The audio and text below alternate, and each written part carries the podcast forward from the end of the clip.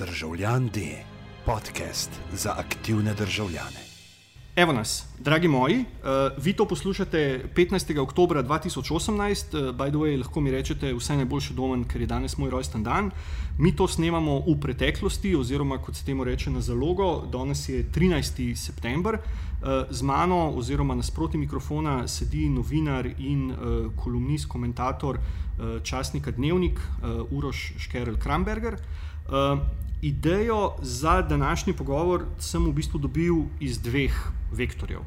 En vektor je bila Uroševa kolumna, um, s katerim. Uh, mislim, ja? Bolj članek. No, Bolj članek, Ker kol okej. kolumniste imamo um, na dnevniku definirane, pa ne sodim med njih. No. Dobar, ja, okay. ja. ne kolumnist, novinar. Ja. Ja. Okrog uh, njegovega članka uh, mediji okrog SDS postavljajo rekorde v sovraštvu do temnopoltih in muslimanov. Uh, drug vektor, ki se pa dogaja med tem, ko snemamo, je pa v bistvu ta um, uh, debata oziroma odgovornost uh, oglaševalcev do plasiranja oglasov zraven problematičnih vsebin. V obeh primerih govoriva v bistvu o enem, a mu lahko sploh rečemo, medij, ne uh, Nova 24 TV.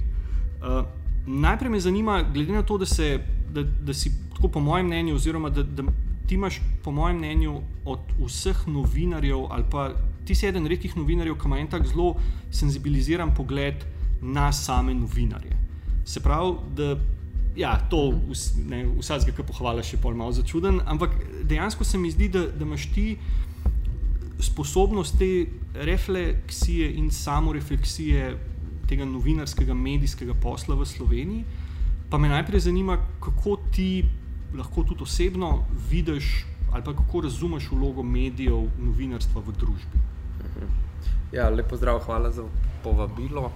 Um, kot novinar, seveda, lahko govorim samo o um, novinarskem poklicu kot poslanstvu, ne vem, za pomembno vlogo v, v družbi. Um, lahko da bodo prišli časi, ali pa tudi, uh, da bodo vedno glasnejši glasovi, ki pravijo, da uh, temu ni tako. Ne. Um, bomo videli, kako se bodo stvari razvijale v prihodnih letih ali pa desetletjih. Um, Zaenkrat pa verjamemo, da mediji in novinari uporabljamo tisto vlogo, uh, se pravi kontrolno vlogo um, ve, vsem vejam oblasti, ki uh, obstajajo v državi. Um, se pravi, mi smo poklicani in uh, tudi imamo nalogo, da preverjamo, kako oblast izvaja svoje pooblastila, ki jim jih je dalo ljudstvo. In um, če odkrijemo kakšne nepravilnosti, uh, seveda na to opozorimo. Um, zdaj, takšno nalogo imajo, imajo znotraj oblasti tudi kakšni organi, ki so prav za to postavljeni, to je lahko vem, tožilstvo ali pa eh, protikorupcijska komisija. Um, ampak težko bi si pa jaz osebno predstavljal um, svet ali pa državo, v kateri bi samo tožilstvo ali pa protikorupcijska komisija, če samo dva naštejem, uh, dajala na svoje spletne strani uh, obvestila za javnost ali pa ugotovitve. Um, novinari imajo še to um, dobro lastnost, da znajo um, stvari tudi med seboj povezati, vprašati, vprašajo, so v takem položaju, da lahko vprašajo različne inštitucije, naenkrat različne akterje, um, tega pa vsaka taka po, posamezna inštitucija ne naredi. Ne. Gre v bistvu ne, za neko kombinacijo, za nek splet. Ne. Ni to zdaj zadeva, ki bi bila samo na uh, plečih novinarjev, ne, ni pa po drugi strani v bistvu totalno irrelevantna, oziroma ne, lahko samo popisuje zadeve, ki se dogajajo in nič ne vpliva na nje. Ne. Uh, ne, uh, ne gre samo za popisovanje ali pa samo za povzemanje, gre tudi za preiskovanje. Uh, to se pa pač, tako kot vsi vemo, ne, naredi uh, z novinarskimi metodami, med katere spadajo tudi um, um, off the record pogovori, tako kot jim pravimo. Um, v tistih se da od ljudi, ki imajo kakšne zanimive podatke um, ali pa dokaze o ravnanju oblasti, um, izvedeti več, kot se da izvedeti v kakšnih uradnih postopkih. Hmm. Zdaj, v tem svojem članku si v bistvu načel eno zelo pomembno temo in to je legitimizacija specifičnih diskurzov, ki se mogoče najprej ali pa eden od prvih mest, kjer se diskurzi začnejo odvijati, je, so v bistvu mediji, množični mediji. Ne. Zdaj, ne, v, v tej kibernetski, digitalni dobi, informacijski dobi, je teh medijev, da rečem, mali milijon, ne, kjer v bistvu ne veš, je dobro, kaj so zdaj. Ne, da ne rečem, etablirani mediji, kaj so zdaj novi mediji, kaj so zdaj neka osebna mnenja, kaj so stališča nekih organizacij oziroma nekih medijskih hiš in tako naprej. Kako ti gledaš na ta razrast teh, pa ni nujno, da rečemo, slabih portalov, ampak tega, da, da je kar naenkrat možno komunikacijo, medijsko komunikacijo, množično komunikacijo izvajati na tok različnih, preko tok različnih kanalov. Se je komunikacija s tem razvrednotila, se je izboljšala, kje so tle, ne vem, mogoče plusi pa minusi. Verjetno se ne da, mislim, jaz ne predstavljam, da bi odgovoril uh, v tem binarnem smislu bolje ali slabše. Uh, tako je. Um, če tako je, je treba pogledati, kaj iz tega lahko potegnemo dobrega. In dobro je gotovo to, da se je razširil diapazon um, sporočil mnen. Um, razmišljujoči ljudje kot si tudi ti sam, ki se ne nujno pač želite ali pa se ne pač podrejate neki instituciji, kot je medij, ne, ki je tudi gospodarska družba z vsemi svojimi omejitvami, lahko še vedno v bistvu upravljate novinarski poklic ne, in to je dobro. Um, je pa res, ne, da um, v organizaciji, kot je en uh, pač medij, ki je gospodarska družba, um, so vnaprej začrtana pravila, so um, uredniška pravila. Uh, vsak tak medij ima tudi svoj, uh, svojo programsko zasnovo, se ji reče. Uh, tam noter je zapisano, kakšne so vrednote. Uh, to potem preveri uh, Ministrstvo za kulturo, ki naj bi načeloma skrbelo za en urejen medijski ekosistem. In um, je, res je pač, da uh, Ministrstvo za kulturo, kot nek vrhovni organ, ki naj bi imel to dobro namerno vlogo, uh, ne obvladuje več vsega tega razrasta uh, različnih medijev. Um, Ne, ne, ne znam se spustiti v teorijo, ali je to dobro ali slabo, ali je vem, ali ministrstvo ali pa država, ne, ki ne zna zregulirati uh, vse tega razrasta, ali je to krivda države, ali je to pač res prerastalo neke meje, um, ki jih se jih da sploh še z birokracijo zajeti. Um, ampak spet tako je. No, ampak posledica tega, da ni zreguliran ta prostor um, na klasičen način, kot so regulirani mediji, je, da je um, komunikacija ušla, način komuniciranja ušel izpod nadzora in um, se je tudi ja, pač prelevil v, uh, v um,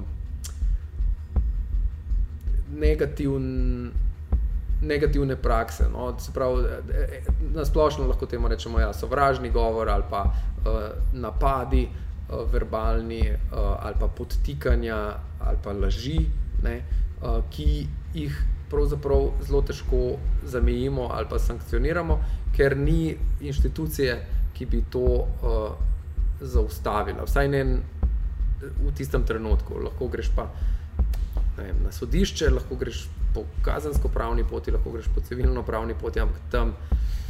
Mislim, tisto ni način, um, za, s katerim bi učinkovito takrat, ko poteka komunikacija, um, reguliral to komunikacijo. V mediju, kot je dnevnik, recimo, kjer jaz delam, pa imamo urednika in pod urednikom imamo še enega urednika. In potem imamo še kolege novinarje, in vse čas potekajo debate o tem, kaj je prav in kaj je narobe, v okviru uh, etičnega kodeksa, novinarskega etičnega kodeksa, v katerem smo zavezani, zato ker menimo, da je uh, povzema ene univerzalne vrednote novinarskega poklica in seveda so vanj ugrajene tudi uh, te načela, uh, smotrne, pa spoštljive, pa um, nekako tudi um, k nekemu cilju usmerjene komunikacije, cilj v smislu, da ni to blejanje v tri dni, ampak je pač. Um, Da iz, iz te komunikacije izide nek nov družbeni konsens. No? Uh -huh. Tako, te etične vrednote, oziroma če zdaj govorimo o kodeksu razsodišču, to je v bistvu zadeva na, da rečem, temu prostovoljni bazi. Ne? Nič vas ne zavezuje k temu. A, kako to misliš? Mislim, zavezuje v smislu, da recimo, vem, brez vozniškega dovoljenja ne, ne bi vozil avtomobila, oziroma če ja. te ustavi policaj, ne moš plačati kazen.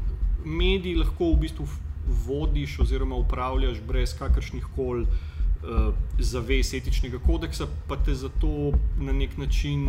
Ja, odvisno, ja, odvisno kateri medij. Jaz okay. v svoji pogodbi o zaposlitvi ja. imam napisan, da moram spoštovati e, e, kodeks novinarjev Slovenije. Okay. Ja.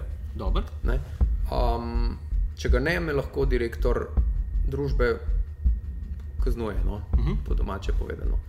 Um, zdaj, um, če imaš pa medij, spletno stran. Uh mhm. -huh. Televizijo. Radio. Televizijo, radio, karkoli, ja, ne vem, ali ga moraš spoštovati. Ja, pravzaprav ne. No, ne vem, mislim, toliko, kolikor, uh, kolikor to regulira zakon o medijih. Recimo, uh mhm. -huh. Pri zakonu o medijih je zanimivo, ne, jaz tudi nisem se poglabljal do pred kratkim v to, um, ampak je pa logično, kar bom razložil. Uh, zakon o medijih definira, da je medij uh, tisti, oziroma tako. Ne, ne, ne znam zdaj le ponoviti definicijo, bi morali prebrati, no, ampak uh, ena, uh, ena potrditev, da neka spletna stran je medij, je uh, upis tega medija, oziroma te spletne strani, ali pa časopisa, ali pa radio, ali pa televizije v seznam uh, medijev, ki ga vodi Ministrstvo za kulturo. To je nek uradna.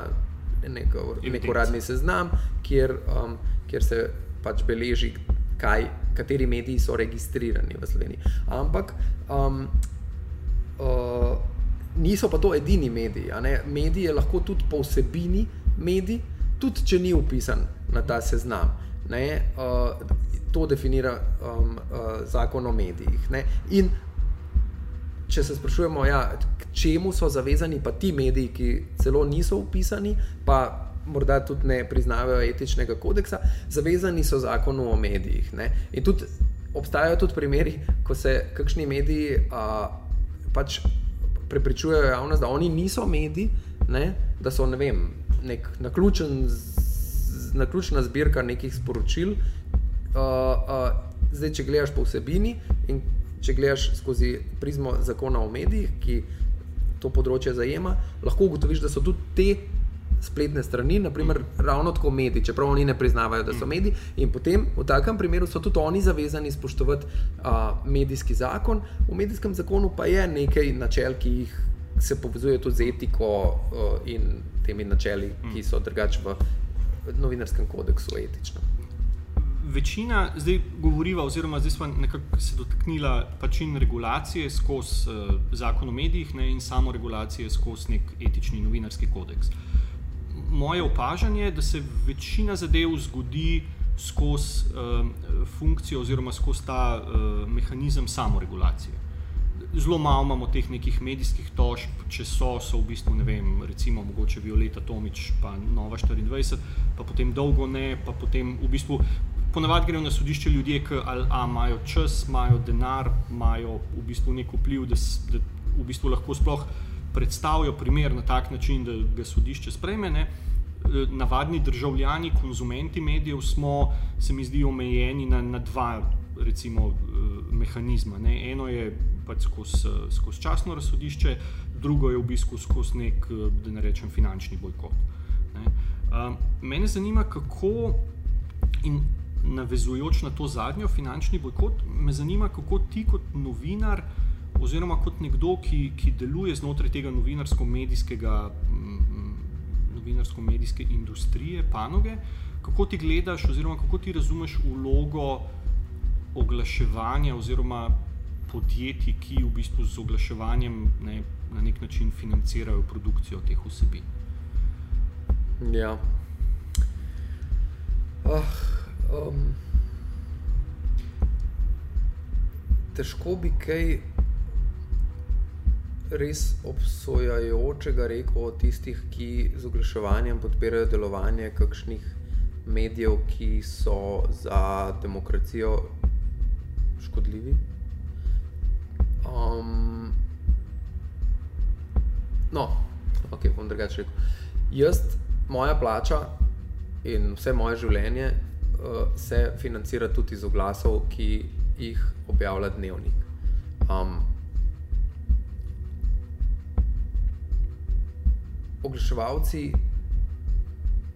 um, ne se. Mislim, razumem, da oglaševalci oglašujejo tudi v medijih, s katerimi se ne strinjajo.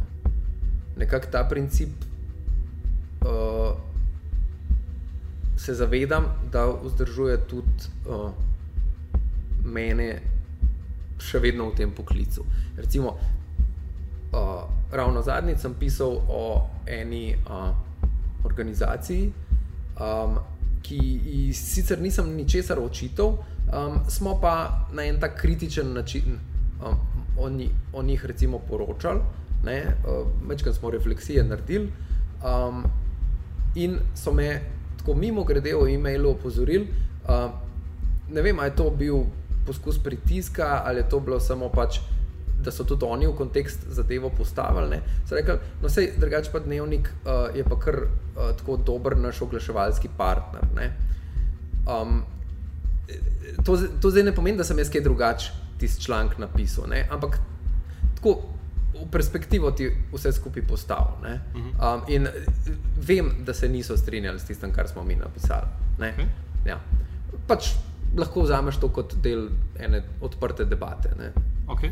Uh, ampak soočenje pogledov. Okay, ampak ja. se ti zdi, da tukaj obstajajo neki, da rečem temu, nivoji nekega diskurza?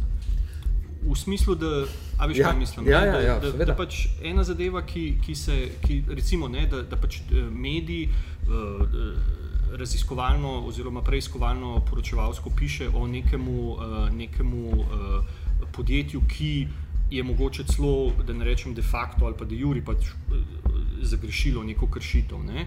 In je to nekaj drugega, kot recimo, pa da jim zdaj navezati na ta zadnji primer, s katerim se jaz ukvarjam, ne?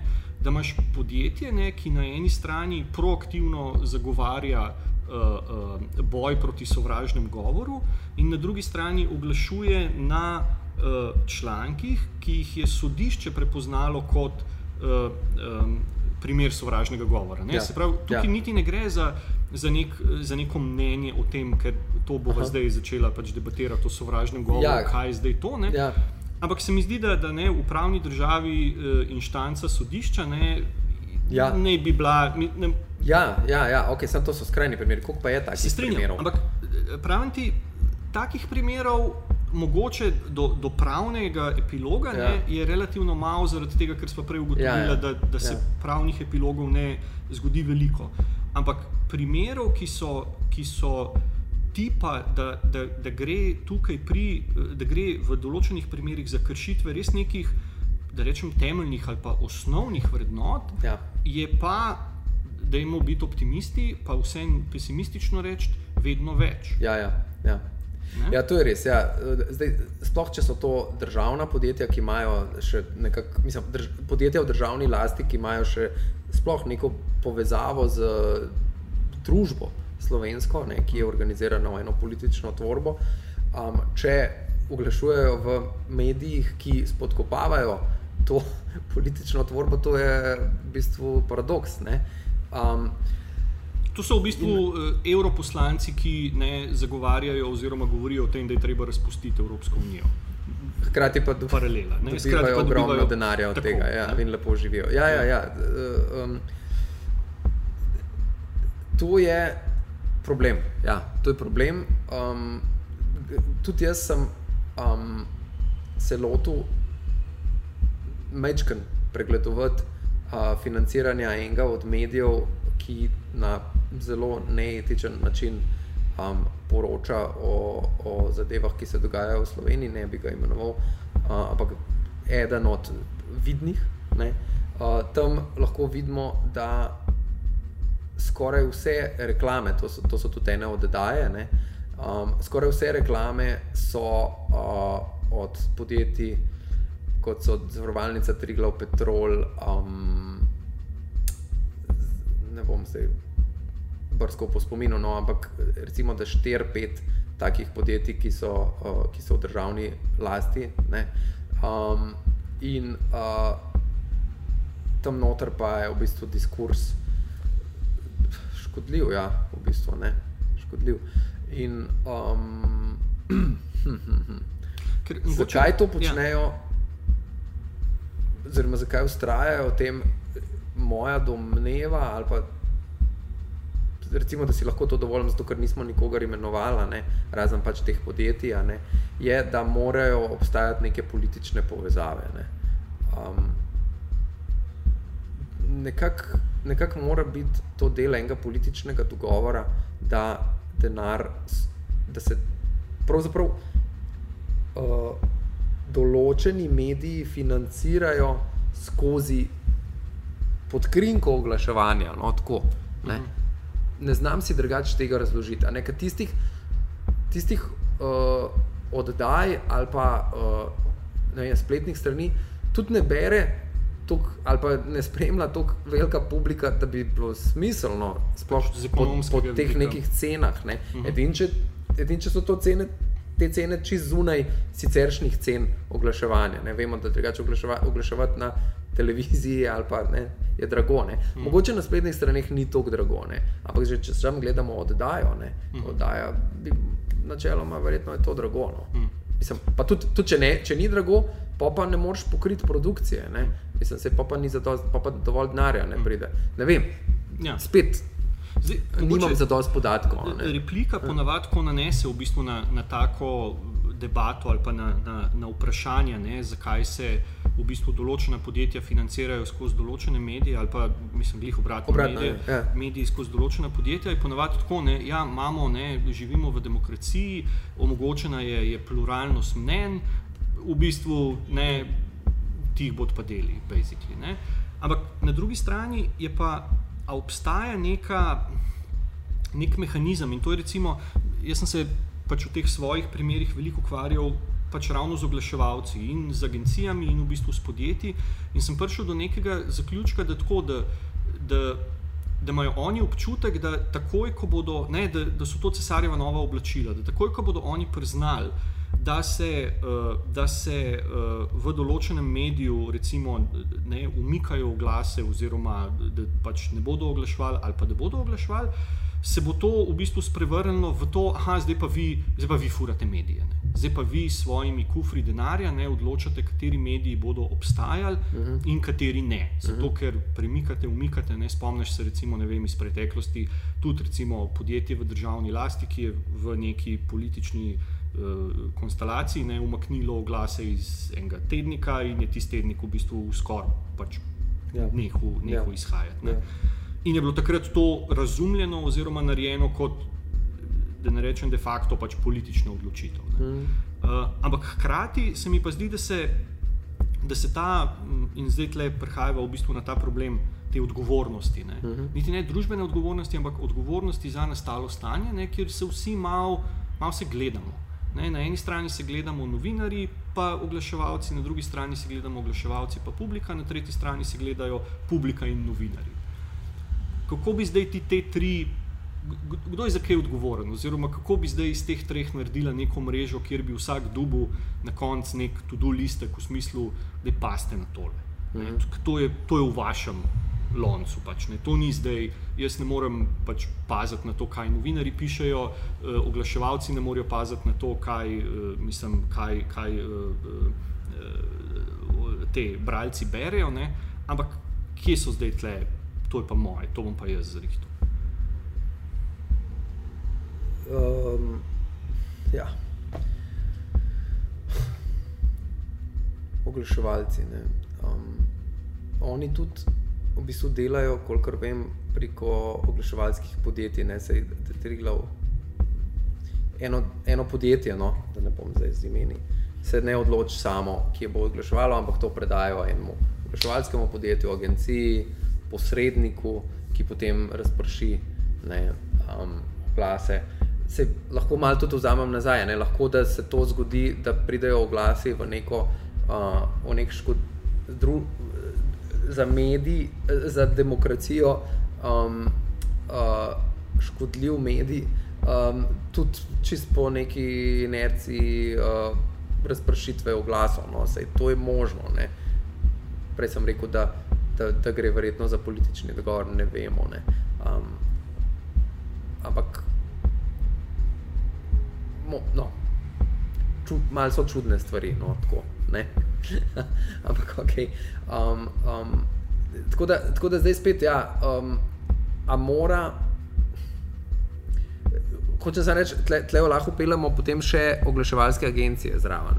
-huh. uh, kakšna je pa njihova odgovornost, ne? da ustvarjajo take, um, tak nabor uh, objav. Ne? In kdo zdaj komu za kaj odgovarja. Ne? In kdo gleda samo številke, gledanost, ne vem, rejtinge, uh, termine, ko je nekaj objavljeno, um, ali pa te, kar jim pravijo, oglaševalske pakete, ne? ti v bistvu kot oglaševalec ali pa kot oglaševalska agencija zakupaš en prostor in potem tudi ti nimaš več iz kontrole nad tem. Ne? To je tako, zdaj malo, mislim, na splošno govorim, ampak to je precej zakompliciran biznis. Ne? In je vprašanje, na katero točno objavo lahko, katero točno objavo lahko pripišeš, točno kateri odločitvi koga. Ne, ne vem.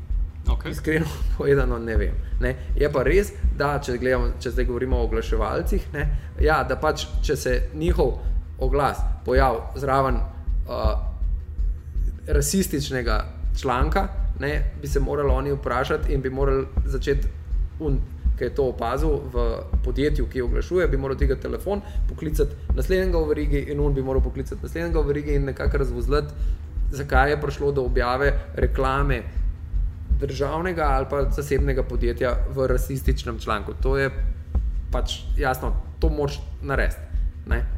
iz etičnih razlogov. Mm. Zdaj, če tega ne narediš, si verjetno so odgovoren. Ja? Um, novine, ok, bralci, uh mhm. -huh. ne, mislim, da bralcu ne moreš preprečiti, da spremlja nek medij. Okay. In tudi uh, ne poznamo vzgibov, zaradi katerih berejo ljudje eno ali pa drugo stvar.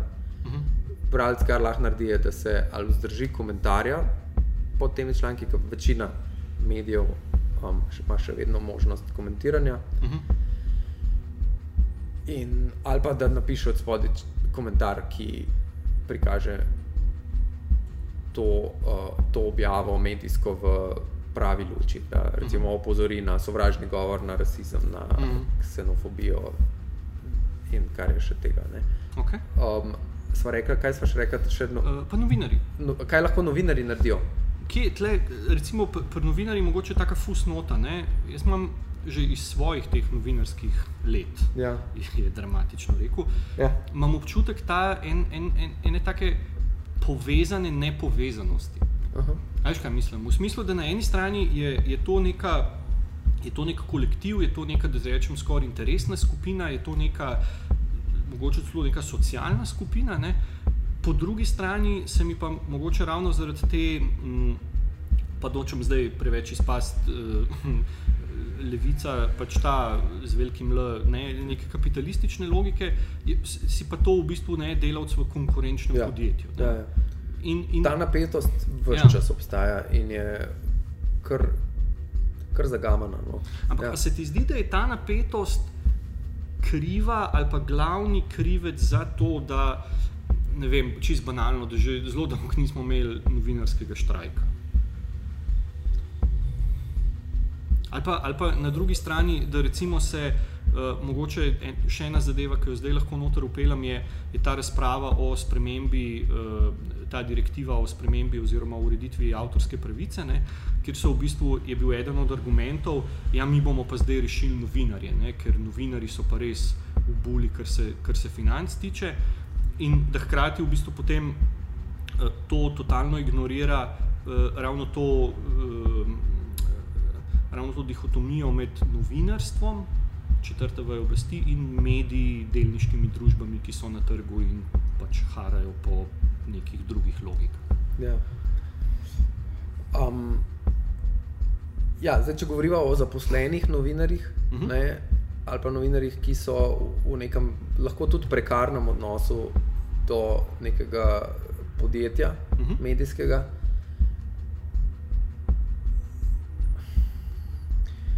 Ja, treba se je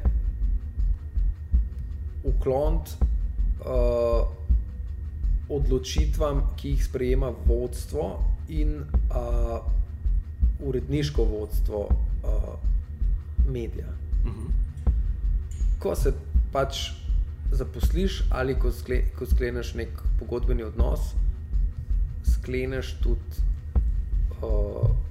se sprejmeš tudi odločitev, da ne boš popolnoma samostojno mogel objaviti tistega, kar boš tisti trenutek mislil, da lahko. Uh -huh. da, da bi tudi magar, da bi moral. Da bi ne. bilo prav. da bi bilo prav. Ja. Ne, ne moreš. Okej. Ne moreš. In um, če na to ne pristaneš, uh, je verjetno res. Mislim, lahko, lahko argumentiraš.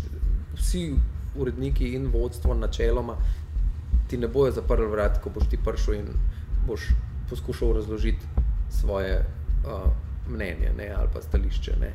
Um, ampak hierarhija obstaja, hierarhija odločanja obstaja in temu, uh, s tem moraš računati. Ne. Seveda so pa ene meje, ne, tam, kjer uh, bi neka uredniška odločitev ali pa naloga, ne, ali pa pač kakršna koli zdaj bi konstelacija vlad, ki bi preveč vodila do tega, da bi v, konč, v konsekvenci ti moral kot novinar objaviti nekaj, kar je v nasprotju s tvojimi etičnimi načeli, kaj šele, uh, ali, ali pa no, načeli kodeksa, kaj šele s svojimi etičnim ne, notranjim jazom. Ne.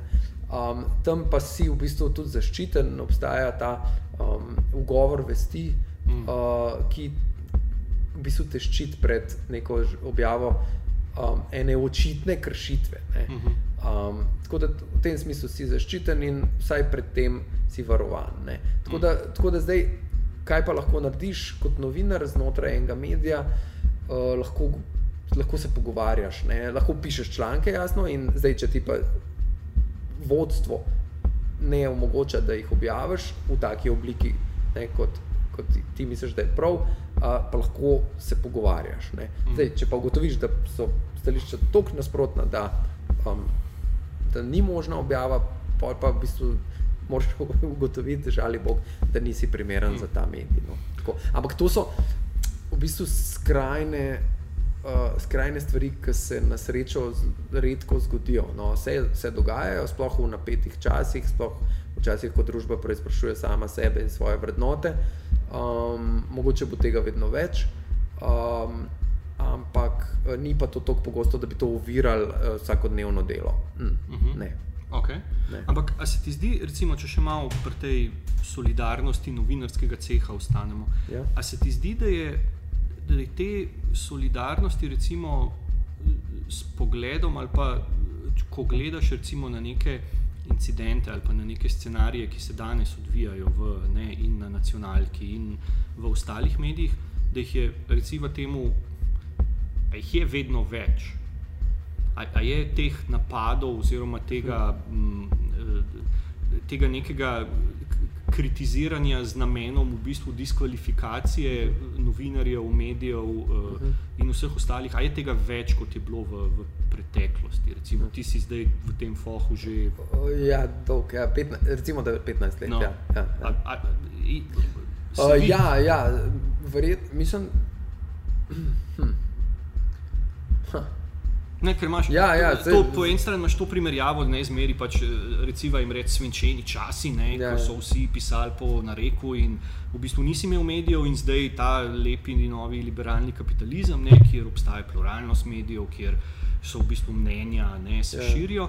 Ampak vse ne, je, je hkrati z vso to svobodo prišla v bistvu tudi neka ta svobodna represija, če hočeš Ja, reči. ja, ja, ja, ja, ja. ja, jaz mislim, da mislim, več je več pojavov diskvalifikacij, pa um, napadov, ne, um, je takrat, kadar je kakšen povod za to. Ne, če se v, v družbi dogajajo kakšni premiki. Ne. Recimo, več je tega ob sprejemanju družinskega zakonika, več je tega ob uh, uh, povečanih migracijah, um, več je tega, ko pridejo volitve. ne, to so pač na štiri leta in um, vmes Le, tudi letni kaj. časi v novinarstvu. Ja, no, nekaj v tem smislu. Ne. Um, zdaj, aj prav dejansko več, a pa so tudi te napadi ostrejši. Ne vem, če bi šli, mogoče to ni dobra primerjava, ampak sem pa pomislil na okay. To, če bi šli brati uh, časopise uh, iz leta, iz začetka 20. stoletja, 1900 do 1930-40, Mhm. tisto je bilo res brutalno. Ne. Um, mislim, da to hudo. No, ne vem, če je to hudo zdaj, no, ima drugačno obliko. Ima, ne. Ampak ja, um, morda je celo to imanentno medijski debati. Mhm. Ne vem. Okay. Vem. Pa, Je pa ja. res, da je pol, v, zdaj, če gledamo Ja. ja. samo uh, obdobje Jugoslavije, ja, je bilo pa tega verjetno manj, oziroma se je pač samo po direk, direktivah koga uh, uh, diskvalificirali, ne. čez, čez drug mehanizem. Ne. Pa če greva zdaj v bistvu na, na zadnji del, se pravi, da tako se probava malo ozreti v, recimo v prihodnost. Ne. Zdaj, eh, to snemamo 13. septembra, eh, vlada naj bi se oziroma se bo konstituirala do eh, tega 15. oktobra, ko bo to objavljeno, če Ja, bo ja. šlo vse po sreči. Ja. Uh, pa če se vrnemo v bistvu na to medijsko regulacijo ali pa na vem, Ministrstvo za kulturo, za direktorat oziroma inšpektorat za, za medije, kaj so recimo, ali pa po tvoje, kaj so recimo neke zadeve, s katerimi bi se mogli ti novi ljudje takoj začeti ukvarjati? Mhm. Na tem področju, kaj so neke zadeve, ki so, ki so v bistvu, ki mogoče stojijo, ali pa ki so se zdaj v tem umestnem, recimo, da času na novo, na novo odprle. Ja, ravno pred kratkim smo imeli uh, na to temo debato na enem dokaj visokem politično-administrativnem mestu um, v zvezi z mediji. In um, slišiš tudi z druge strani, strani oblasti, ne, uh, to prepričanje, da medijsko regulacijo, oziroma zdaj govorimo o zakonu o medijih, uh -huh. pa o medijski strategiji, uh -huh. to so pač dokumenti, ki jih država sprejema v zvezi z mediji, da bi uredila medijsko področje, je treba sprejemati takoj. Uh -huh. Ker bolj, ko se bliža konc mandata, bolj stvari začnejo razpadati, bolj postajajo napete, več je diskreditacije, blatenja, um, nasprotovanja.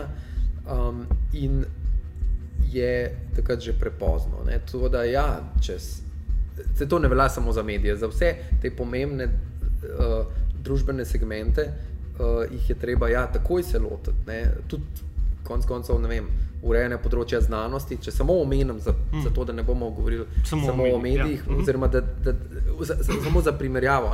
Vse, kar je neuralgično, je treba takoj se lotiti, ker čez, že, ko se preves uh, mandat k koncu, je prepozen, ker so sile so pa na področju medijske zakonodaje, medijske regulacije zelo močne. ne.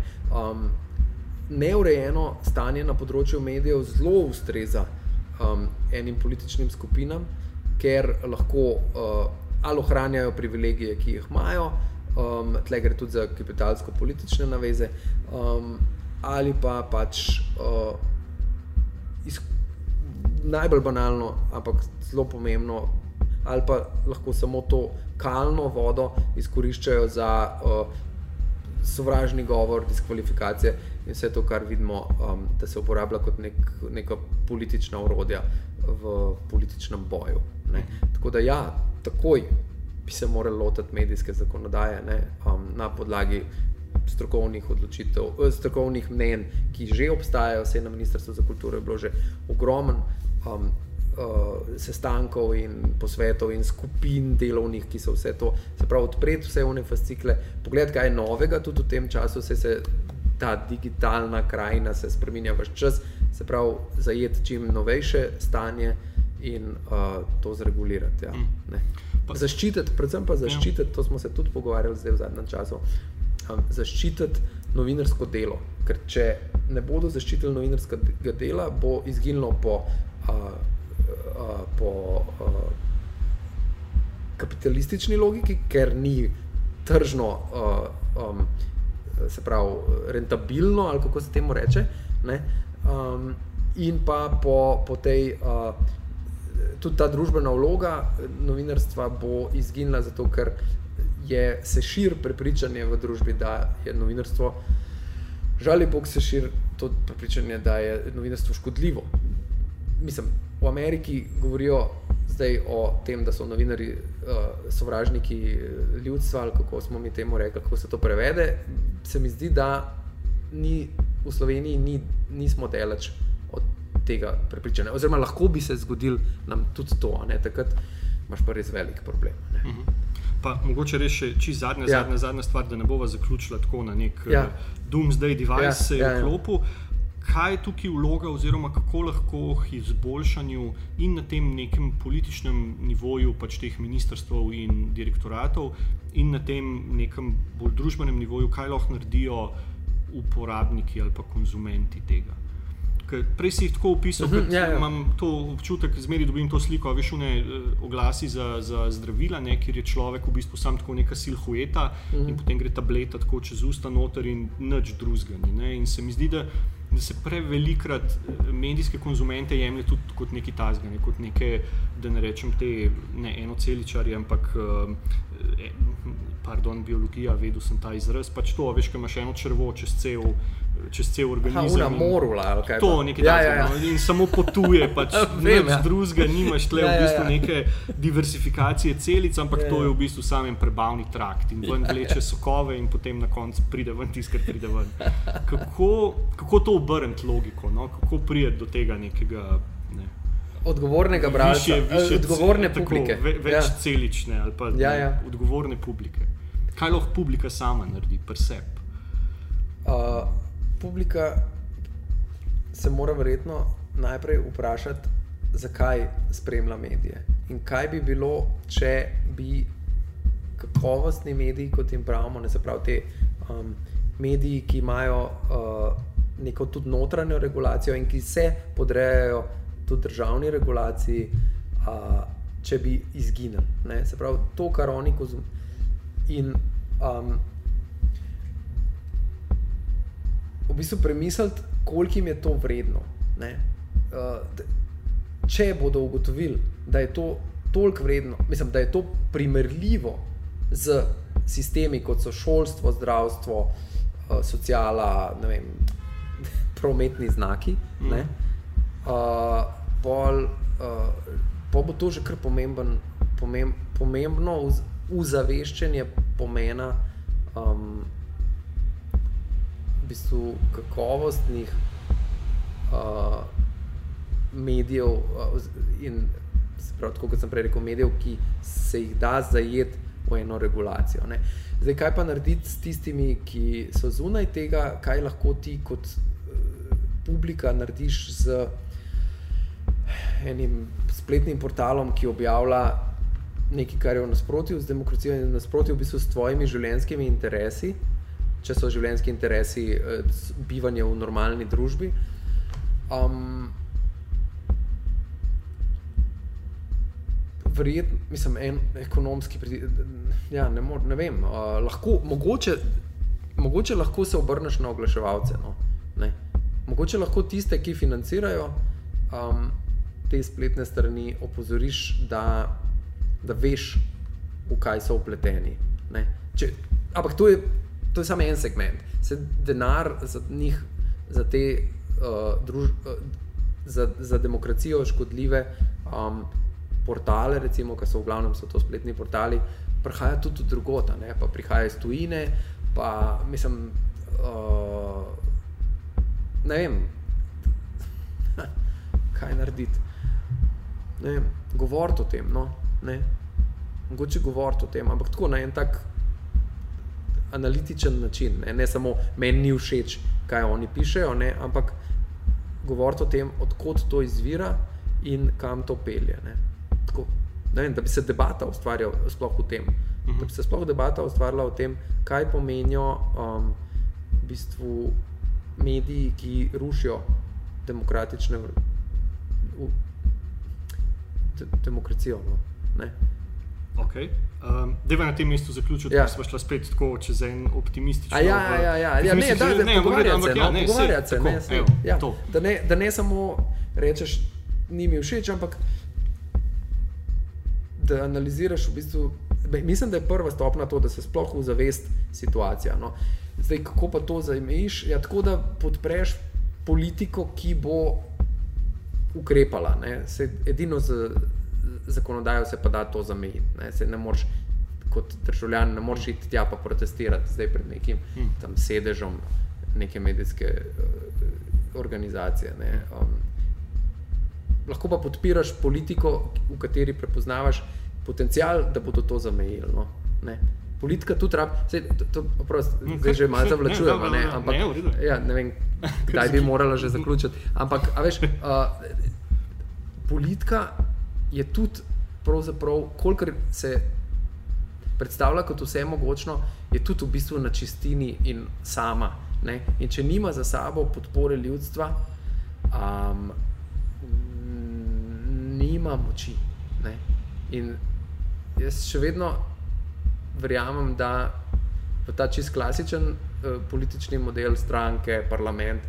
In če, če bi mene eno vprašal, ja, aktivno podpirati uh, tiste politične stranke, katere, v katerih vidimo potencial, da bodo uredile, zdaj, če gre za področje medijev, pa področje medijev. Ne. Torej, njim tudi sporočati, da se strinjamo z njihovo politiko. Ne, ne samo pasivno spremljati. Ne. Bova na tem koncu, ja. oziroma na tej točki zaključila. Ja. Hvala lepa, Uroš, hvala lepa vsem eh, poslušalcem. Um, ostanite v cvetju, slišimo se čez en mesec. Uh, kot že rečeno, uh, podpirajte medije oziroma podpirajte politike, ki, ki vam ustrezajo, in poskusite premisliti, kaj lahko naredite glede tistih, ki vam ne.